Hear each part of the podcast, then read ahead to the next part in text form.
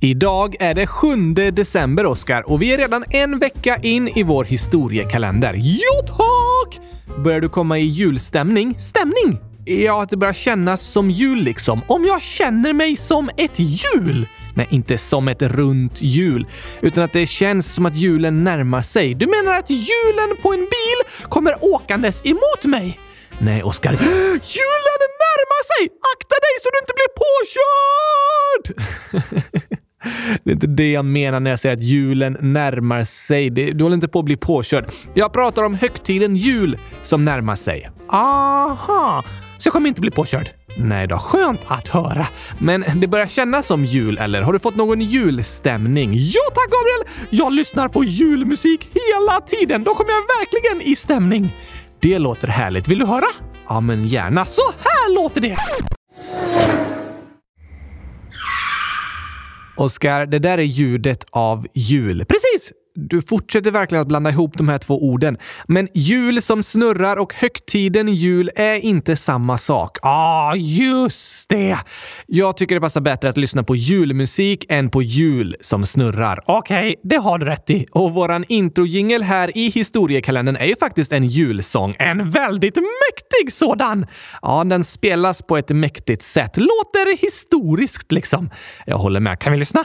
Såklart. För nu är det dags att dra igång dagens avsnitt av Historiekalendern.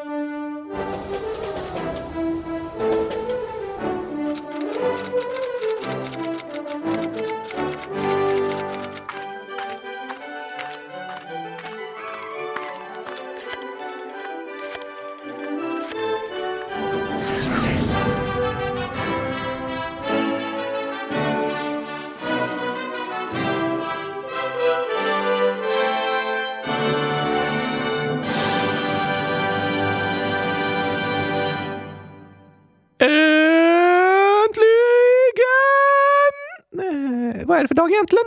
Tisdag. Tisdag! Tokigt alltså med podden på andra dagar. Ja, jag håller med. Men idag är vi framme vid vårt fjärde avsnitt i historiekalendern. Vem fått flest röster? Just det, vi har lagt ut en omröstning med era förslag på vår hemsida www.kylskåpsradion.se. Gå in där och rösta på vem du tycker vi ska prata om i historiekalendern. Ja, tack! Snart kommer vi börja se resultaten från den omröstningen, men idag ska vi prata om en historisk person som vi hade planerat redan på förhand.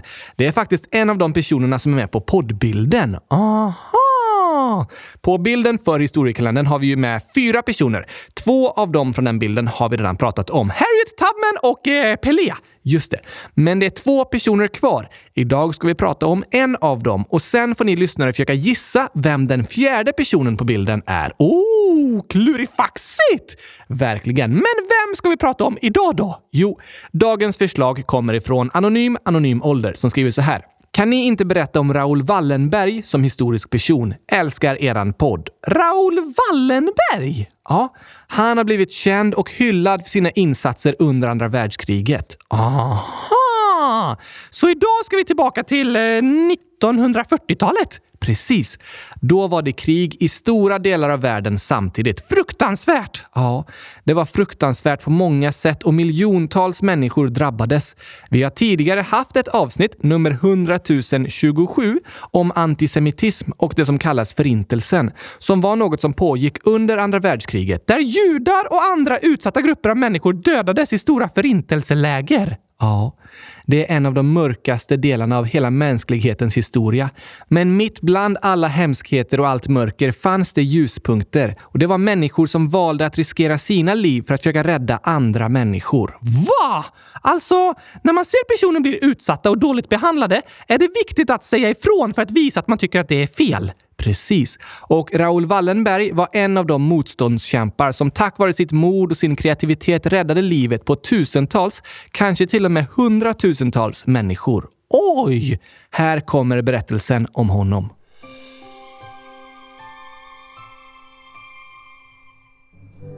Raoul Gustav Wallenberg föddes den 4 augusti år 1912 på Lidingö utanför Stockholm.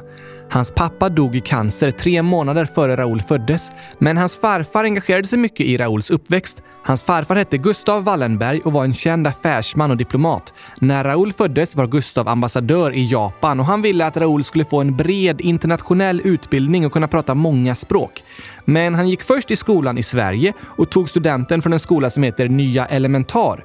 Något lite skojigt är att den skolan har valt att hedra Raoul Wallenbergs minne genom att döpa aulan efter honom. Den eh, stora samlingssalen. Precis. Den heter formellt Raoul Wallenbergsalen, men eleverna brukar kalla den för Raulan. Ah!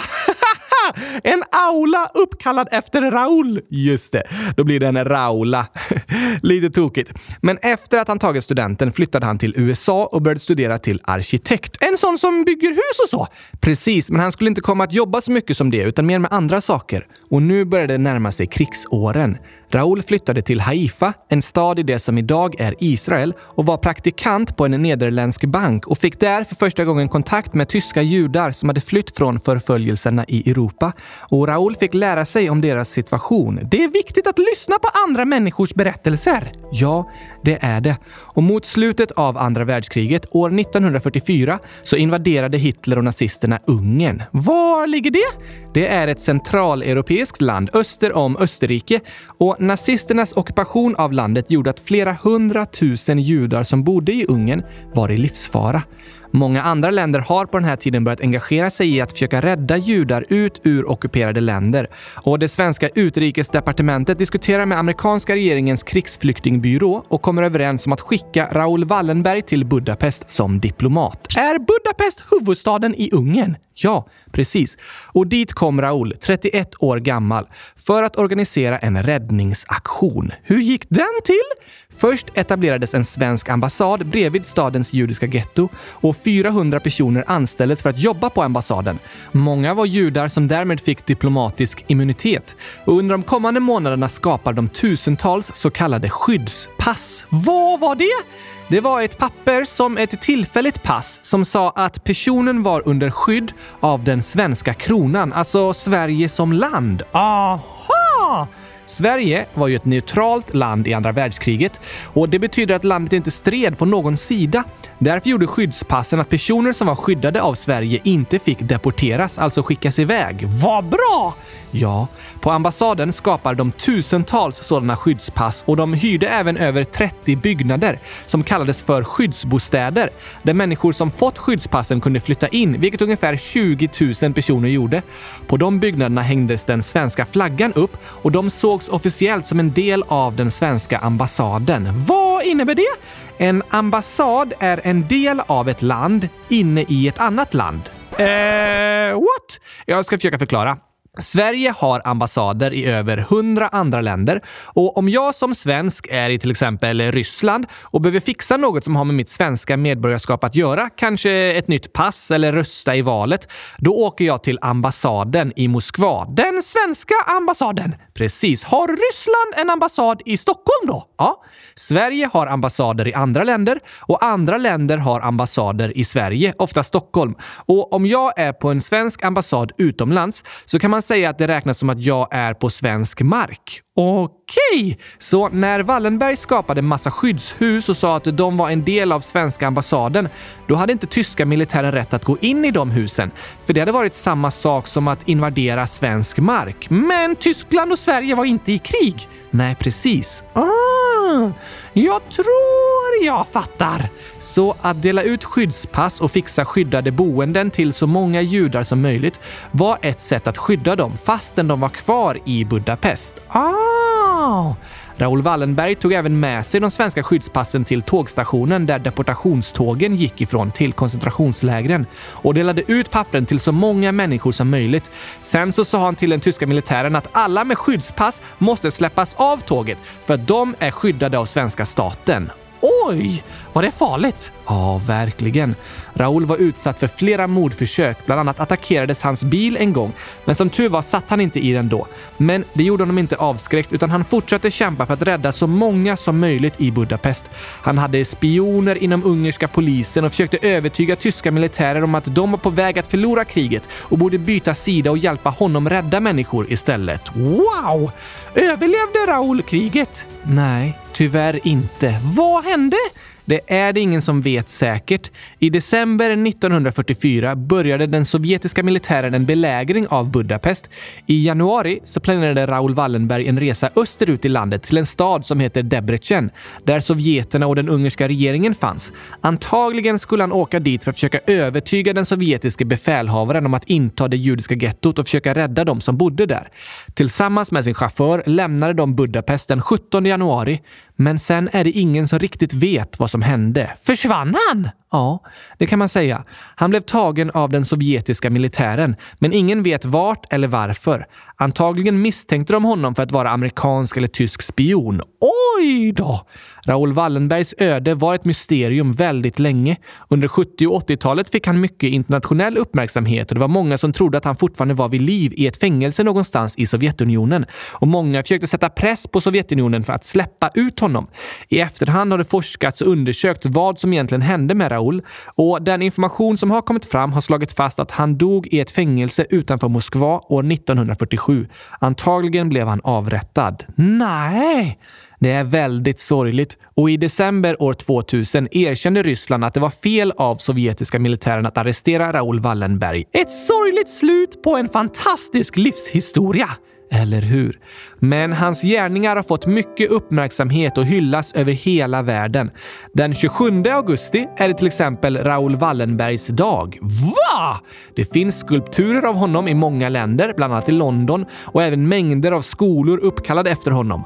År 1981 utsågs Raoul Wallenberg till amerikansk hedersmedborgare som den andra utlänningen någonsin.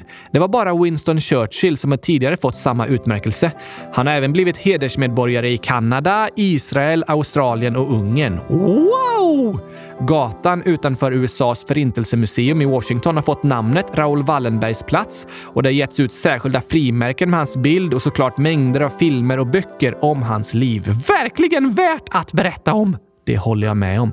Det finns mycket vi kan lära oss ifrån Raoul Wallenbergs liv. En man som levde för andra människor, som offrade sitt liv för att rädda så många som möjligt undan förintelsen och krigets hemskheter. Alltså, det är inte riktigt läge att läsa upp skämt nu, Gabriel, efter alla de här hemskheterna. Nej, det passar väl sådär. Men även om det är en hemsk berättelse med ett sorgligt slut för Raoul Wallenberg så skapade han hundratusentals lyckliga slut för andra människor. Och det är verkligen något att fira och vara glad över. Det har du rätt i! Vi lyssnar klart på den här vackra musiken så kommer sen dagens skämt.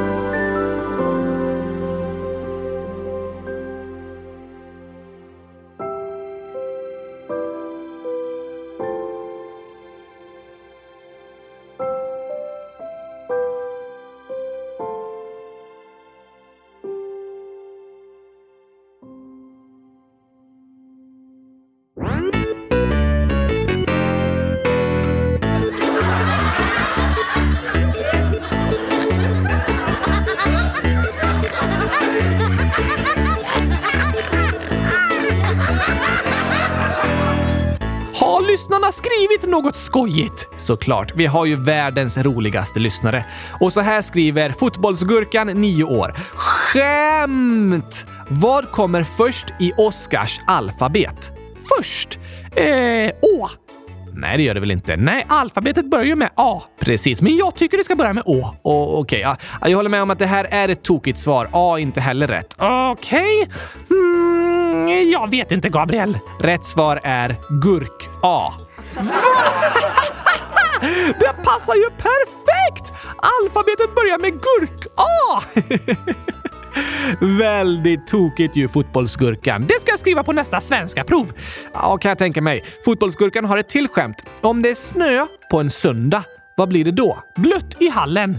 Eh, ja, det är vanligt, men det var inte rätt svar. Eh, det blir många snögubbar i skolan dagen efter. Du menar att du bygger dem på söndagen och så går de till skolan på måndagen? Precis! Nej, inte det heller. Då vet jag inte. Rätt svar är snön-dag. Ah! Söndag med snö, snöndag. Det låter så! Eller hur? Sen står det PS. Ni är bäst i test. Tack och hej, Gurkapastej. Tack för superroliga skämt! De var faktiskt väldigt tokiga. Och här är ett skämt med lite julkoppling. Okej? Okay? Det är från Nore, 11 år och utspelar sig i ett klassrum så vi låtsas att jag är läraren och du är eleven. Perfekt!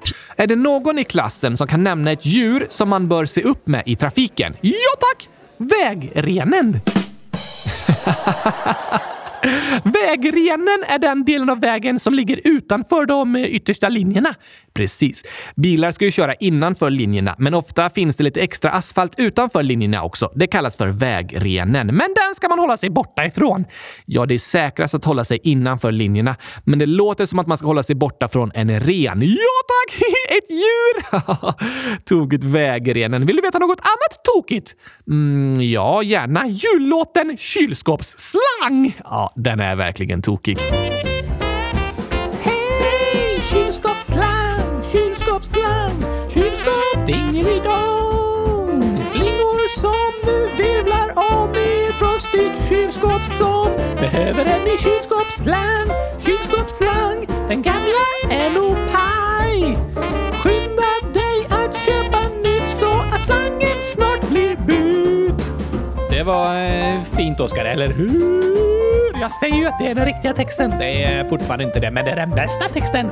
Det kan du tycka. Jag tycker det, för det är jag som har kommit på den. Oh, kylskåpsslang, kylskåpsslang. Det låter mycket bättre än det där bjällerpang, bjällerklang. Ah, kylskåpsslang ska det vara. Vi kör på det. Oh, kylskåpsslang.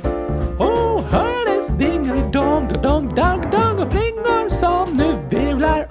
i ett frostigt kylskåp som behöver en ny kylskåpsslang, kylskåpsslang. Men den gamla är nog paj. Så skynda dig att köpa nytt så att slangen snart blir mut!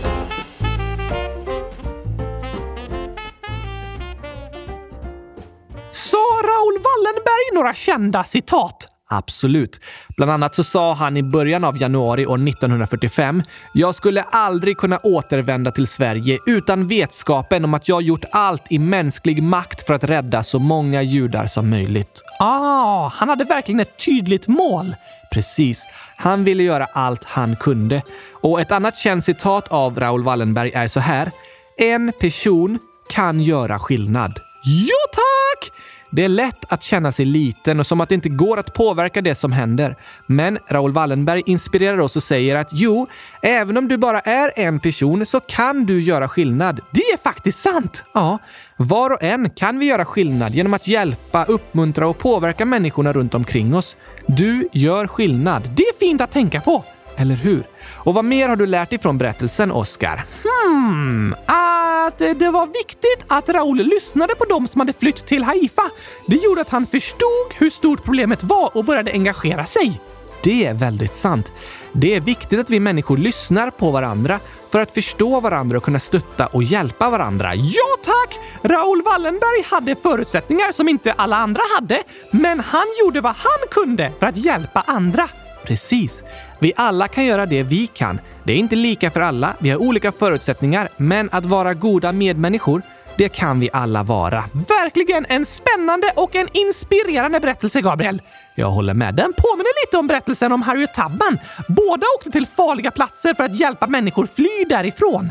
Faktiskt. Harriet Tubman som konduktör på den underjordiska järnvägen och Raoul Wallenberg som diplomat i Budapest. Ah, jag ser verkligen fram emot en ny berättelse i övermorgon! Jag också. Och jag lovar att läsa upp alla förslag som har kommit in. Just det! Vi har lagt ut en lista på vår hemsida, kylskåpsradion.se, där ni kan rösta på vilka ni vill att vi ska prata om i historiekalendern. Och det här är alla namn som är med på den listan. Alva, 9 år, skriver “Kan ni prata om systrarna Mirabal?” Johan, 9 år, skriver “Kan ni prata om Konrad Schumann?” Nora, 9 år, skriver “Kan ni prata om Jesus i nästa julkalenderavsnitt? Snälla!” Huggy Buggy, 10 år, “Kan ni prata om Emmeline Pankhurst?” Och Alma, 10 år, skriver också “Kan ni prata om Harriet Tubman och Emmeline Pankhurst?”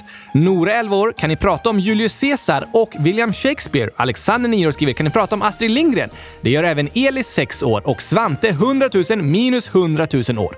Alexander, 9 år, skriver “Kan ni prata om Gustav Vasa och NATO, NATO-ålder? Kan ni prata om Olof Skötkonung i den historiska kalendern?” Anonym, 13 år, skriver “Hej! Kan ni ha Carmen Amaya i julkalendern?” Och Anonym, anonym ålder “Kan ni inte berätta om Raoul Wallenberg och Ansgar som historiska personer? Älskar eran podd.” Sami, 100 000, skriver “I senaste avsnittet så sa ni blök istället för blöt och i hashtag back to skolan sa Oskar tech istället för tack. Kan ni prata om Sultan Kösen?” Och Elvis, 10 år, “Kan ni prata om Albert Einstein?” Och i avsnittet inför julkalendern, 236, säger ni att det är årets första julsång, men i början av året spelar ni upp kylskåpsslang. PS. Hur många gurkor? Och hitta felen. Och det är 189 gurkor plus en eh, sallad, eh, paprika och choklad. Blä! Lullu, 12 år, skriver “Kan ni ha Albert Einstein som person i julkalendern? Snälla!” Och 1 gånger 10 upp till 37, 1 gånger 10 upp till 46 ålder. Kan ni prata om Alexej Pashinv? Anonym, vet inte ålder. Kan ni prata om ambitiösa kvinnor som uträttat stordåd? Här är några. Junko Tabei, Sophie Blancard, Maria Marian, Elisabeth Maggie och Annette Kellerman. Tack och hej, gurkapastej! Love Gurka, 100 000 år. Kan ni prata om H.C. Andersen? PS. Älskar er och så är det 510 gurkor. Isak, 6 år. Kan ni prata om skådespelaren Chadwick Boseman som spelade Black Panther? Snälla! 11, 8 år skriver. Kan ni prata om Heliga Birgitta? Bullen, 9 år. Kan ni prata om Sean Dark eller Cleopatra? Jag älskar historia. Och samma sak med eran podd. Among Us Gamer Girl, 10 år skriver. Kan ni prata om mer historiska personer? Här är några förslag. Corrie ten Boom, Ashley Fiolek, Yusra Mardini, Madame Seiji Walker, Maria Callas, Wangari Matari, Harriet Tubman, Virginia Hall, Frida Kahlo, Mary Com, Ruth Bader Ginsburg, Aisolfa Nurgaiv, Bebe Vio, Carmen Amaya och systrarna Mirabal. PS. Ni är bäst. John snedstreck längdmannen den andre, 11 år, skriver “Kan ni ha ett avsnitt om Tycho Brahe?” eh? Sigrid, en gogol ålder, skriver “Hej, jag är Sigiflickan. Mitt riktiga namn är Sigrid. Kan ni prata om Marco Polo? Snälla, 1 plus 1 blir 2 Oscar. Nej, det blir 100 000. Nej, det blir 2. 200 000! Eh, just det.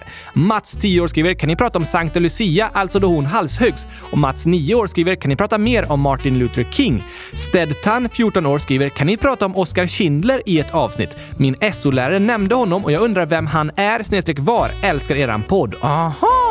Oskar Schindlers berättelse påminner faktiskt väldigt mycket om Raoul Wallenbergs. Oj då! Miriam, 11 och ett halvt år, skriver “Kan ni prata om Martin Luther? Vi har haft prov om honom på religionen. Han är väldigt modig. Håller med! Miriam skriver även “Kan ni ta Ronald Reagan som dagens president?” och Beatles 7,77778 gånger 10 upp till 70 år. Hej, skulle ni kunna prata om Beatles? Signe snedstreck hoppsan är bäst. 10 för Oscar 100 000 år. Tack! Kan ni prata om Anne Franks dagbok? Och Anonym 10 år. Kan ni göra ett avsnitt om min hemstad Gränna och om Grännas historia? Till exempel Amalia som uppfann polkagrisarna. Det skulle vara så roligt. Någon, några år gammal, skriver “Vem var drottning Kristina som regerade i Sverige på 1600-talet?” Noah 100 000 skriver “Kan ni prata om Gustav Adolf den tredje? Kylskåpsradion är bäst.” Nora 9 år. “Kan nästa julkalenderavsnitt handla om drottningen över England?” Gurka plus glass, 12 år. Kan ni prata om Senna, F1-föraren, Snälla eller Ronny Pettersson, svenska F1-föraren? Och Oskar Kylskåp, 100 000. Hej Oskar och Gabriel! Kan ni prata om Selma Lagerlöf? Vet inte om hon är så inspirerande, men om ni pratar om henne, prata om hennes bok Bortbytingen. Hej då! PS. Jag har lagt i 100 000 liter gurkglass i en skål till dig Oskar. Och till dig Gabriel har jag lagt en skål med 100 000 liter chokladglass. Ooh, tur att inte jag fick choklad! Eller hur? Oscars Kylskåp vet vad den gör. Nils Cool Anka Ålder skriver “Skulle ni kunna prata om Thomas Newcomen, James Watt och ångans historia i historiekalendern?” Wow, vad många namn! Eller hur? Därför hinner vi inte prata om alla nu i julkalendern, så gå in och rösta på dem ni helst vill höra avsnitt om, så väljer vi de som har fått flest röster. Det låter bra, Gabriel! Och vissa av de här namnen har vi redan pratat om. Jag läste upp dem nu ändå eftersom de stod i inläggen, men de är inte med på listan eftersom det redan finns avsnitt om dem. Men det finns även ett namn ni ska få gissa på. Vi har pratat om tre av personerna på poddbilden nu, men det finns kvar en kvinna som vi inte har pratat om än. Ooh! Kan ni gissa vem hon är? På själva poddbilden, inte avsnittsbilden. Ja, precis. Den bilden som vi har för podden nu. Om du kan gissa, skriv din gissning i frågelådan. Jag tror det är... Uh, Pippi Långstrump. Nej, tyvärr inte Oskar. Men det är faktiskt en ledtråd. Aha! Om du som lyssnar kan klura ut vem kvinnan på bilden är, så skriv din gissning i frågelådan så kommer vi berätta om henne någon gång nästa vecka tror jag det blir. Innan vi avslutar ska vi dock skicka en hälsning. Det är Livi 1, 2, 3, 4, 5, 6, 7, 8, 9, 0, 1 gånger 10 upp till 30 år. Jag fyller år den 8 december. Snälla kan ni gratta mig? PS, ni är bäst! Såklart kan vi det! Gratis på födelsedagen Livi 1, 2, 3, 4, 7, 8, 9, 0! Hoppas du får en superduper bra födelsedag imorgon med 100 000 liter gurkaglass! Kanske det ja. Och vi önskar er alla fantastiska lyssnare en toppen vecka, såklart! Vi hörs igen med nytt avsnitt på torsdag. Tack och hej, gurkapastej! Hej då!